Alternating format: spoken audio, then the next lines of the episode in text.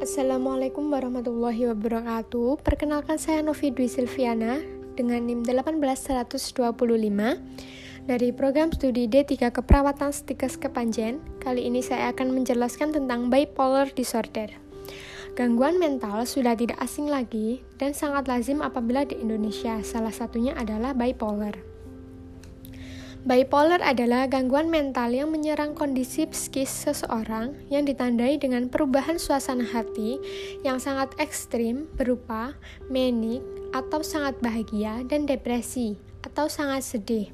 Tetapi di Indonesia masih banyak orang yang belum paham betul tentang bahayanya gangguan bipolar.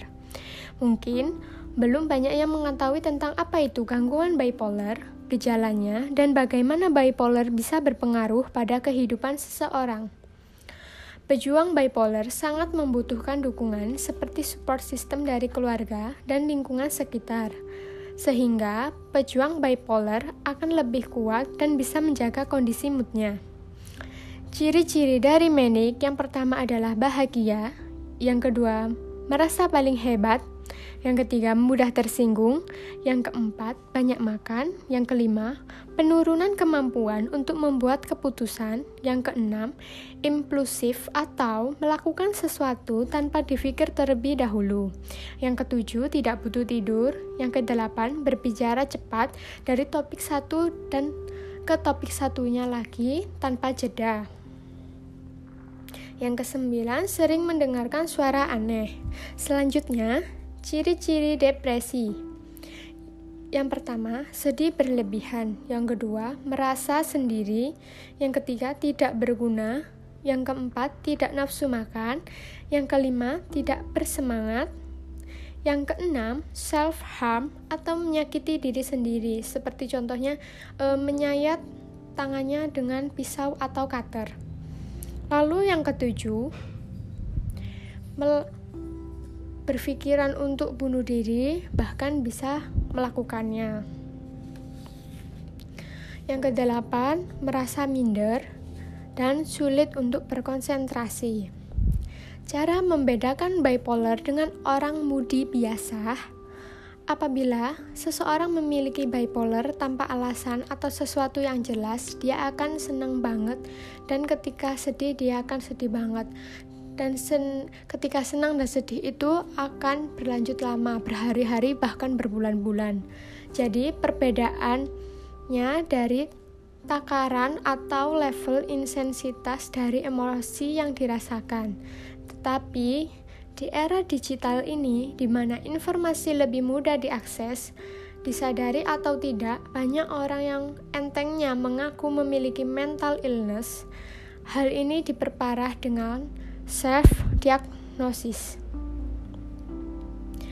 Pengobatan gangguan bipolar dalam menangani, menangani gangguan bipolar, dokter akan menganjurkan penggunaan obat atau terapi khusus untuk menentukan metode yang tepat.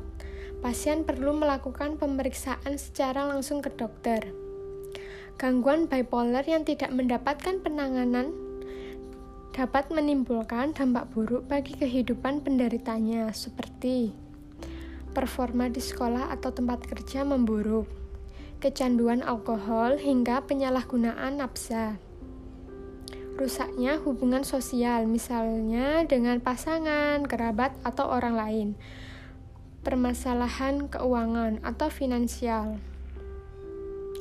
Yang terakhir, menimbulkan keinginan hingga percobaan bunuh diri dan parahnya, banyak orang berpersepsi negatif terhadap pengidap bipolar karena kurang edukasi. Padahal pengidap bipolar atau ODP, orang dalam bipolar perlu mendapat perhatian lebih, tidak hanya dari keluarga, tapi juga lingkungan sosialnya, sehingga mereka dapat lebih mudah untuk menjalani kehidupannya. Beberapa tips untuk mengatasi stigma. Yang pertama, tunjukkan kepada orang informasi yang dapat dipercaya agar mereka lebih paham mengenai diagnosis dan masalah kejiwaan yang dialami. Yang kedua, fokus pada terapi agar, agar masalah kejiwaan yang dialami tidak bertambah berat.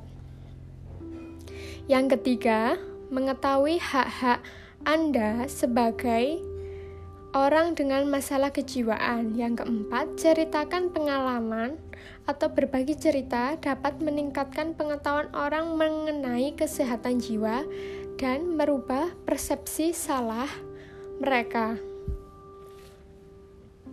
Yang kelima, bergabung dalam aktivitas kampanye kesehatan jiwa bersama komunitas atau organisasi. Yang keenam, jangan membiarkan stigma mempengaruhi hidup dan mendefinisikan diri Anda, serta membuat dan meragukan diri sendiri atau malu terhadap diri sendiri.